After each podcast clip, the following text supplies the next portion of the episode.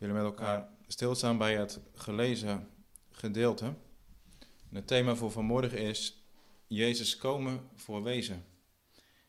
We zullen met name stilstaan bij Johannes 14 en daarvan het 18e vers. Daar staat: Ik zal u niet als wezen achterlaten, ik kom weer naar u toe. Het is vandaag zondag. Zondag tussen hemelvaart en Pinksteren, de zondag die ook wel weeszondag genoemd wordt. Maar waarom weeszondag eigenlijk? Een wees is iemand die geen vader en moeder meer heeft. Misschien bent u of jij het wel, die geen vader of moeder meer heeft. Of halfwees, als je geen vader of geen moeder meer hebt, omdat vader en moeder gestorven zijn. Misschien is dat bij je op oudere leeftijd gebeurd of juist op heel jonge leeftijd en ben je nu al wees geworden. Want een pijn en verdriet kan dat geven. Geen vader, geen moeder meer. Ik las van iemand die ook wees geworden was. Hij zei: Ik ben ineens geen kind meer. Er is geen generatie meer boven me. Een verlammend gevoel. Niemand kent me zo goed als hij. Wat moet ik zonder hem?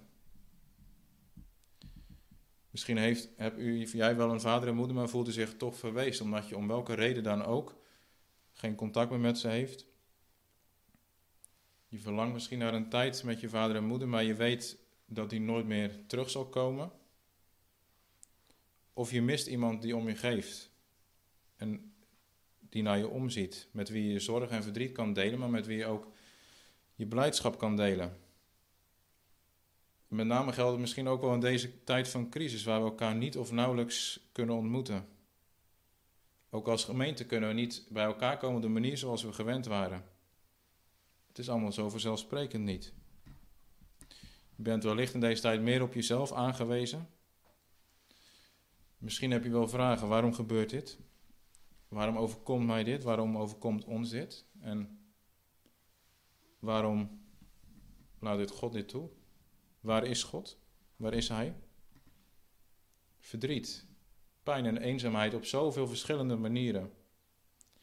Verdriet en pijn kan de sporen in je leven trekken. Zoals een ploeg de, de sporen de voren in het land trekt. De gevolgen zijn goed zichtbaar. Zo kan het ook in ons leven zijn. Als een litteken op je ziel dat je je hele leven meedraagt. En vandaag komen deze woorden van Jezus tot ons. Ik zal u geen wezen laten, ik kom weer tot u.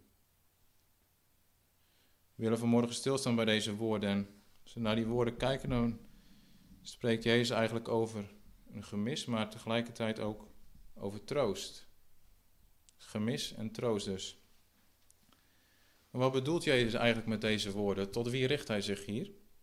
En wat, wat bedoelt hij precies mee? Hoe moeten we deze woorden uitleggen? Afgelopen donderdag of afgelopen woensdag mochten jullie stilstaan en het gedenken hoe Jezus na zijn sterven en opstanding naar de hemel is gegaan. Hoe hij met zijn discipelen naar de Olijfberg ging. En dat was het moment dat hij voor de laatste keer fysiek, lichamelijk voor hen stond. En hij gaf hen de belofte van zijn Heilige Geest mee. Maar u zult de kracht van de Heilige Geest ontvangen die over u komen zal en zult mijn getuige zijn, zowel in Jeruzalem als in heel Judea en Samaria en tot aan het uiterste van de aarde. En de discipelen zagen hoe Jezus naar de hemel opvoer en hoe een wolk het zicht op Jezus omnam. En ze staarden hem na. En dan ineens die twee engelen die het zeggen. Deze Jezus die van u opgenomen is in de hemel zal op dezelfde manier weer terugkomen, net zoals u hem naar de hemel hebt zien heenvaren. Ziet u hier hoe het bij de hemelvaart van de Heer Jezus ook gaat om de belofte van de Heilige Geest en de belofte van zijn wederkomst, zijn terugkomst. Maar voordat Jezus ging lijden en sterven, sprak hij ook al over zijn hemelvaart en wederkomst. We hebben daar net iets van gelezen. Johannes 14. Het hoofdstuk hiervoor heeft Jezus met zijn discipelen het Pascha gevierd. We kunnen lezen van de voetwassing, het Pascha en Dan komen de hoofdstukken 14, 15 en 16. Eigenlijk een soort afscheidstoespraak van Jezus aan zijn discipelen. Jezus bereidt zijn discipelen voor op de tijd die komen gaat. Hij zal naar de hemel gaan, naar het huis van zijn vader, om daar een plaats voor zijn kinderen gereed te maken. Het huis van de vader met de vele woningen lezen we in Johannes 14, vers 2. En verderop zegt Jezus, en dan zijn we bij onze tekst, ik, kom, ik zal u niet als wezen achterlaten. Ik kom weer naar u toe. Eerst maar eens dat eerste zinnetje. Ik zal u niet als wezen achterlaten. Wat zegt Jezus hier eigenlijk mee? In het Nieuwe Testament komt het woord wezen eigenlijk maar twee keer voor. Hier in Johannes 14 en in Jacobus 1, vers 27. Daar schrijft Jacobus: De zuivere en onbevlekte godsdienst voor God en de Vader is dit: Wezen en weduwe bezoeken in hun verdrukking en zichzelf onbesmet bewaren van de wereld. De zorg voor wezen en weduwe is dus heel belangrijk. Ze waren vaak degene die in het verdrukte hoekje zaten. En is dat nu nog niet zo? Een groep mensen die we misschien snel en makkelijk vergeten. Laten we daar als kerk, als gemeente oog voor hebben. Ongetwijfeld zijn ze er ook onder u en jou. Maar ook in het Oude Testament zien we hoe, God, zien we hoe belangrijk het is om voor deze groep mensen te zorgen. Het wees zijn in de tijd van de Bijbel, dat was een verschrikking. Was niet alleen een groep mensen die eenzaam en verlaten waren, maar het was ook een hele kwetsbare groep. God waarschuwt er nadrukkelijk voor om die groep niet te onderdrukken. We lezen het in de wet, in Exodus en Deuteronomium waarschuwt God daarvoor. En ook de profeten in het Oude Testament, Jezaja bijvoorbeeld en Ezekiel, die roepen daartoe op om die groep uh, niet, niet te onderdrukken. En in de psalmen komen we dat ook tegen. We hebben net een paar psalmen van gezongen, 146, psalm 68. God is een vader van de wezen. Hij verschaft, hij bezorgt weduwen recht en hij straft haar onderdrukkers.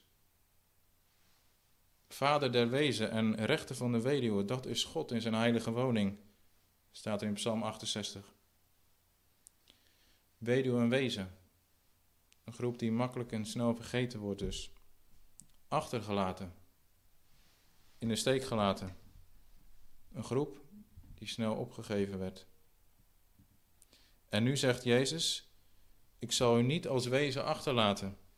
Daar waar het volk bij Israël bij tijd en wijle in tekort schoot, dat zal Jezus dus niet doen. Jezus noemde zijn discipelen in Johannes 13 al lieve kinderen. Hij zal heen gaan naar de Vader, maar hij zal ervoor zorgen dat ze niet zonder hulp en zonder troost zijn. En wat is troost eigenlijk? Kun je iemand troosten?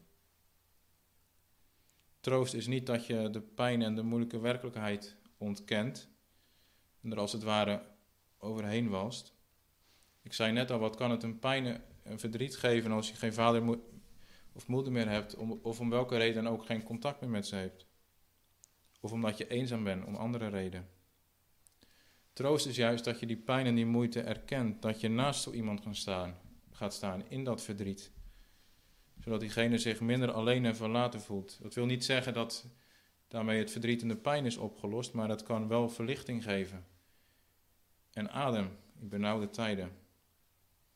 En dat is wat Jezus hier bij zijn discipelen doet. Hij zegt: Ik zal u niet als wezen achterlaten. Ik laat jullie niet in de steek. Ik geef jullie niet op. Daar zal ik zelf voor instaan. Ik kom weer naar u toe. Bij de voorbereiding las ik ook een Engelse Bijbelvertaling. Die vertaalde dit als volgt: I will not leave you comfortless, I will come to you. Ik zal jullie niet troosteloos achterlaten. Letterlijk staat er in het Grieks wezen, maar het woord troosteloos geeft wel iets van die lading weer. Jezus zal zijn discipelen niet als wezen, niet troosteloos achterlaten. Maar voor wie gelden deze woorden eigenlijk? Jezus sprak ze tot zijn discipelen. Voor een antwoord op die vraag kijken we naar vers 15. Daar zegt Jezus: Als u mij lief hebt, hebt u hem lief? Hebt u Jezus Christus met hart en ziel lief gekregen? Klampt u zich aan hem vast met een waar geloof, vaste hoop en een vurige liefde? Of kent u hem nog niet? Gods liefde was zo groot dat hij zijn zoon in deze wereld stuurde, wat ieder die in hem gelooft niet verloren zal gaan, maar het eeuwige leven zal hebben. In en door die liefde geeft God zijn belofte aan ons, waar we ons gelovend aan mogen vastklampen. Ik zal u niet als wezen achterlaten, ik kom weer naar u toe. Is dat geen rijke en geen heerlijke belofte? Christus laat de zijne niet los, hij houdt hen vast. Maar wat bedoelt Jezus dan met dat tweede zinnetje? Ik kom weer naar u toe. Wanneer is dat? En is dat nu al werkelijkheid of nog niet? Het is toch niet zo makkelijk om deze vraag antwoord te geven, omdat deze tekst op verschillende manieren wordt uitgelegd.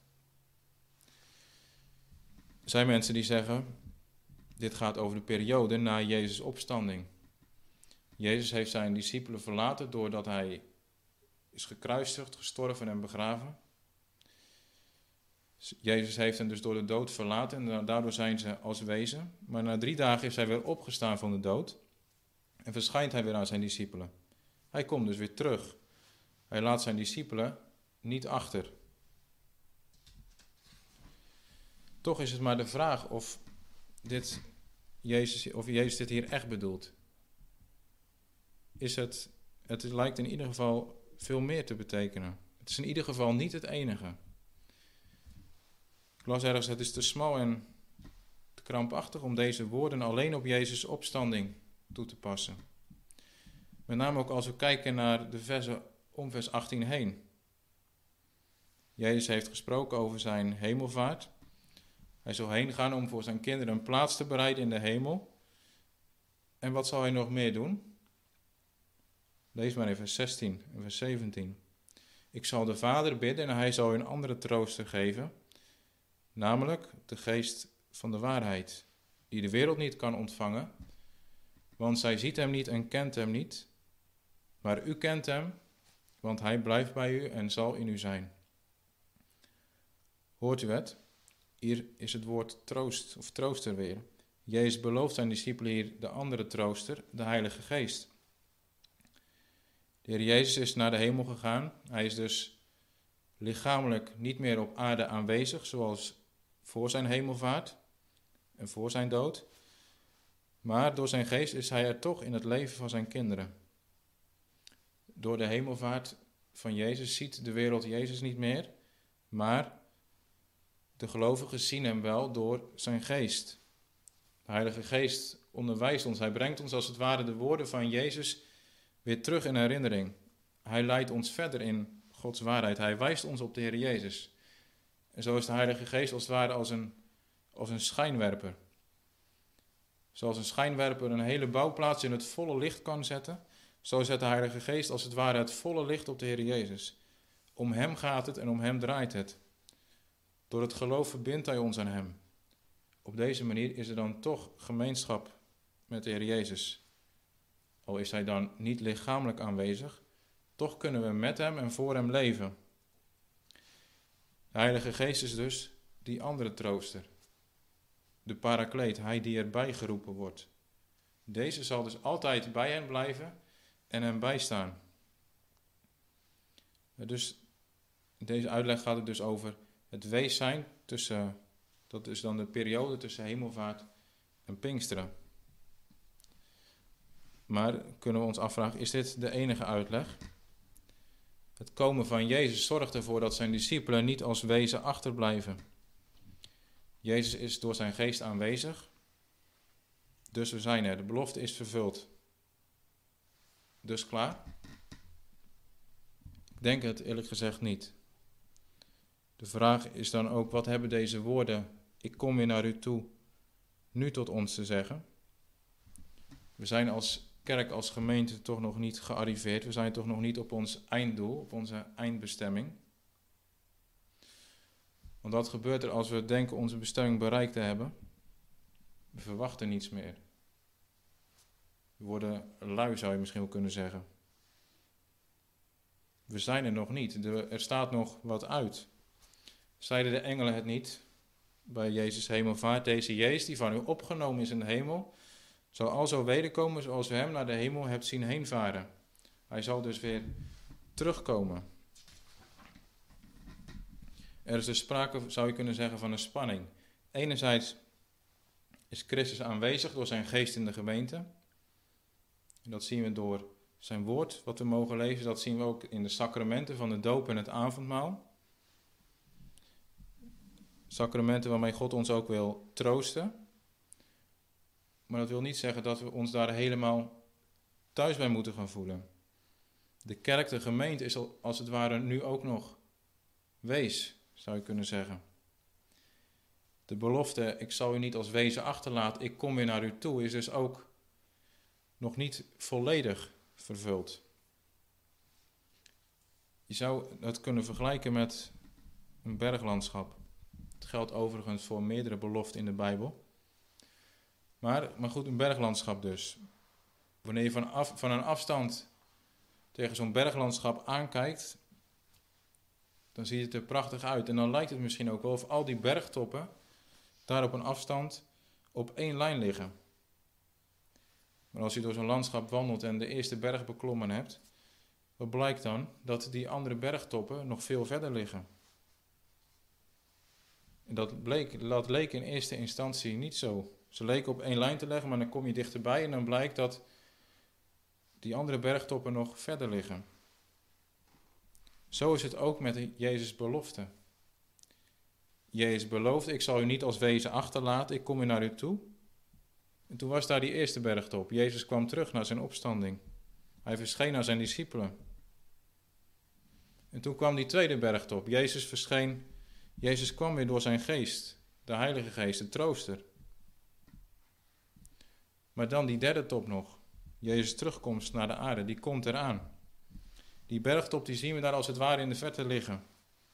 Daar ergens, daar ligt hij. We weten niet precies wanneer dat is, maar dat hij komt, dat weten we zeker omdat hij het in zijn woord gezegd heeft. belofte dus die nog niet volledig vervuld is. Dat is dus die derde vervulling eigenlijk, die nog, die nog uitstaat. Jezus' tweede komst, Jezus' terugkomst naar de aarde. En dat is een troost voor de gelovigen. Is dat ook voor u en voor jou zo? Want hij komt echt. Bent u er klaar voor om hem te ontmoeten of stelt u het liever nog even uit? Is het net als in de gelijkenis die Jezus vertelde over die grote maaltijd? Een man die een grote maaltijd klaarmaakt en zijn slaven erop uitstuurt om de genodigden te roepen. Maar alle genodigden hebben een excuus. De eerste heeft een akker gekocht en heeft daar zijn handen vol aan. De tweede heeft vijf span ossen gekocht en moet daar nodig naartoe. En de andere is net getrouwd en kan niet komen. Zijn wij soms ook niet zo druk met aardse dingen? Dingen die op zichzelf niet verkeerd zijn, die we ook als een geschenk van God ontvangen hebben, maar dingen die ons die onze verwachting, onze verwachting van Jezus' komst kunnen verdringen. Zaken die ervoor zorgen dat we, om het zo maar eens te zeggen, kortzichtig worden. Dat we te, veel gericht zijn op het hier en nu. Terwijl we niet gericht zijn op die belofte van Jezus die zegt, ik kom weer naar u toe. Jezus zal niet altijd in de hemel blijven. Er zal een moment komen dat hij terugkomt op de wolken van de hemel. Zei hij niet tegen Johannes op Patmos, ja, ik kom spoedig. Je zou dus kunnen zeggen dat Gods kinderen als het ware wezen zijn. Het beste moet nog komen. Onze vrede en vreugde, die we nu door het geloof ook kunnen ervaren, die is nog niet volmaakt. Nu kan het nog gepaard gaan met pijn en verdriet en eenzaamheid. Misschien wel omdat je zelf echt wees bent. Geen vader en moeder meer hebt. Wanneer je de Heer Jezus hebt leren kennen, dan zeg je het met David mee in Psalm 27. Want schoon ik zelfs van vader en van moeder verlaten ben, de Heere is goed en groot. Hij is en blijft mijn vader en behoeder. Een troostrijke woorden spreekt Jezus tot zijn discipelen. Ik zal u niet als wezen achterlaten. Ik kom weer naar u toe. Het is een rijke belofte, zo zei ik net al. Maar is deze belofte voor ons ook een levende belofte? dringt de rijkdom van deze woorden echt tot ons door. Ik kom naar u toe. Leven wij van Gods belofte? Daarmee bedoel ik, zien we eruit dat die belofte spoedig vervuld wordt, volledig vervuld. Het is deze belofte juist die ons mag sterken in de weg die we moeten gaan. We kunnen ons verweest voelen. Pijn, verdriet, eenzaamheid, gemis. Misschien dat we wellicht allemaal mee te maken hebben, juist in deze tijd. We vragen het af, waarom gebeurt het? Waarom heb ik te maken met eenzaamheid, met problemen? Omstandigheden die ons soms wanhopig kunnen maken. Dan kan de wanhoop ons soms nabij zijn. Hoe moet het allemaal verder? Dan mogen we ons getroost wezen door deze belofte. Die belofte geeft hoop voor de toekomst. Hij biedt perspectief. Ik moest in dit verband denken aan het boek De Christenreis van John Bunyan. In het boek beschrijft hij de weg van christen van de stad verderf naar, naar de hemel. Op die weg liggen allerlei gevaren op de loer. En dan gebeurt het dat christen op die weg die hij samen met hopenden gaat, dat ze van die weg afgaan. Ze komen terecht in de handen van een wrede reus die wanhoop genoemd wordt. Hij stopt hen gevangen in de kerken van het kasteel Twijfel. En die reus die brengt hen echt tot wanhoop. Hij mishandelt hen, slaat hen en dreigt hen zelfs te doden. En in deze toestand probeert hopende christen moed in te spreken. Om vol te houden. De reus die vat samen met, het met zijn vrouw het plan aan om die, om die twee in de kerker, christen en hopende, nog eens flink aan te pakken. En in hun nood beginnen christenen en hopenden te bidden. Van de late avond tot de vroege ochtend. En dan gebeurt er het volgende. Een weinig voor het aanbreken van de dag brak de goede christen in verbazing uit in deze zichzelf beschuldigende woorden. Wat een dwaas ben ik toch, dat ik in het stinkende hol blijf liggen, terwijl ik even goed in vrijheid kon wandelen. Ik heb immers een sleutel op mijn hart, belofte genaamd. Deze kan zeker elk slot van dit kasteel twijfel openen. Aha, dat is goed nieuws, mijn lieve broeder, zei hopende. Haal hem er eens uit en laten wij het eens proberen. Dit deed Christen. Hij trok de sleutel onder zijn kleren vandaan en probeerde hem toen eens op het slot van de kerkendeur. En zodra hij hem omdraaide, schoot de grendel achterwaarts. De deur ging gemakkelijk open en Christen en hopenden gingen er beide door. Toen traden zij ook naar de buitendeur, die naar de hof van het kasteel leidde, en openden met de sleutel ook deze deur. Daarna gingen ze naar de ijzeren poort, want ook deze moest geopend worden. Maar dit slot ging geweldig zwaar open. Toch ontsloot de sleutel ook deze poort. Eindelijk waagden zij de poort te openen, om als ze spoedig hun weg te vervolgen. Zo kwamen ze dus weer op de hoofdweg van de koning, op weg naar de hemel. Ziet u en jij het belang van Gods belofte? Ik zal u niet als wezen achterlaten, ik kom weer naar u toe. Maar wat doen wij ermee? Ze liggen voor ons. Net maar zien we dat ook? Net zoals Christen die sleutel bij zich droeg, maar er eigenlijk eerst niets mee deed. Misschien zitten wij wel in, in de kerken van ons verdriet, van onze eenzaamheid, opgesloten in onszelf, hoe het allemaal verder moet. De vraag van waarom gebeurt dit en waar is God? Tijden die we als een woestijn kunnen ervaren, leeg en dor. Bonhoeffer, een theoloog uit de vorige eeuw, stelde een indringende vraag, die ik u en jou ook wil voorleggen. Kan het niet zijn dat God zelf ons die tijden van leegte en dorheid bezorgt, opdat wij weer alles van zijn woord verwachten? Kan het niet zijn dat God zelf ons die tijden van leegte en dorheid bezorgt, opdat wij weer alles van zijn woord verwachten? Laten we daarom bij God zoeken en van het van zijn woord verwachten. Als het ons om God te doen is, dan zal hij sterken en troosten. Zijn woorden, door zijn woorden en door zijn beloften. Dan ontvangen we dus echt vreugde en blijdschap. Laten we leven van die belofte. Dat is God vertrouwen op wat hij zegt, op wat hij belooft.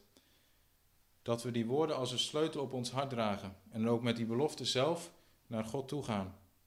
Dat wat Hij gezegd heeft, dat Hij dat eens volkomen zal vervullen. Hij zal komen en wanneer die belofte, als we die als een sleutel op ons hart dragen en met ons meedragen, dan geeft dat troost en houvast.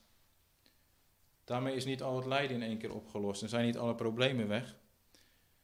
Maar we mogen toch daar troost uit putten, omdat wat God gezegd heeft ook werkelijk vervuld zal worden. Ik blijf de Heere verwachten, mijn ziel wacht ongestoord, ik hoop in al mijn klachten op zijn onfeilbaar woord. Mijn ziel, vol angst en zorgen, wacht sterker op de Heer dan wacht eens op de morgen. De morgen. Ach, wanneer? Die belofte die geeft dus perspectief en uitzicht op een toekomst met God, die morgen komt. Hij zal terugkomen. Hij wil ons niet aan ons lot overlaten. Wanneer we Hem lief gekregen hebben, zal er een moment komen dat we God zullen zien van aangezicht tot aangezicht. Dan zullen we Jezus ook echt zien. Zien zoals Hij is. Als het lam dat geslacht is. Dat de zonde der wereld wegdraagt, weggedragen heeft. Ziet u er naar uit? Kunnen op deze aarde verweest rondlopen omdat we wensen om bij Christus te zijn, om voor altijd getroost te zijn. Dan zijn we waar Jezus ook is, in de hemel. Hij is een kleine tijd van ons gescheiden, opdat wij hem voor eeuwig, voor altijd zouden terug hebben. We weten niet precies wanneer die tijd komt. Maar dat hij komt, dat is zeker. Hij zal ons niet als wezen achterlaten. Hij komt weer terug. God heeft het zelf in zijn woord gezegd. Gelooft u het? Zie toch op Hem, op Christus. Verwacht alles van Hem. Zegt u en jij het mee? Daarom verwachten wij die dag met een groot verlangen om ten volle te kunnen genieten de belofte van God die is in Christus Jezus, onze Heer. Amen.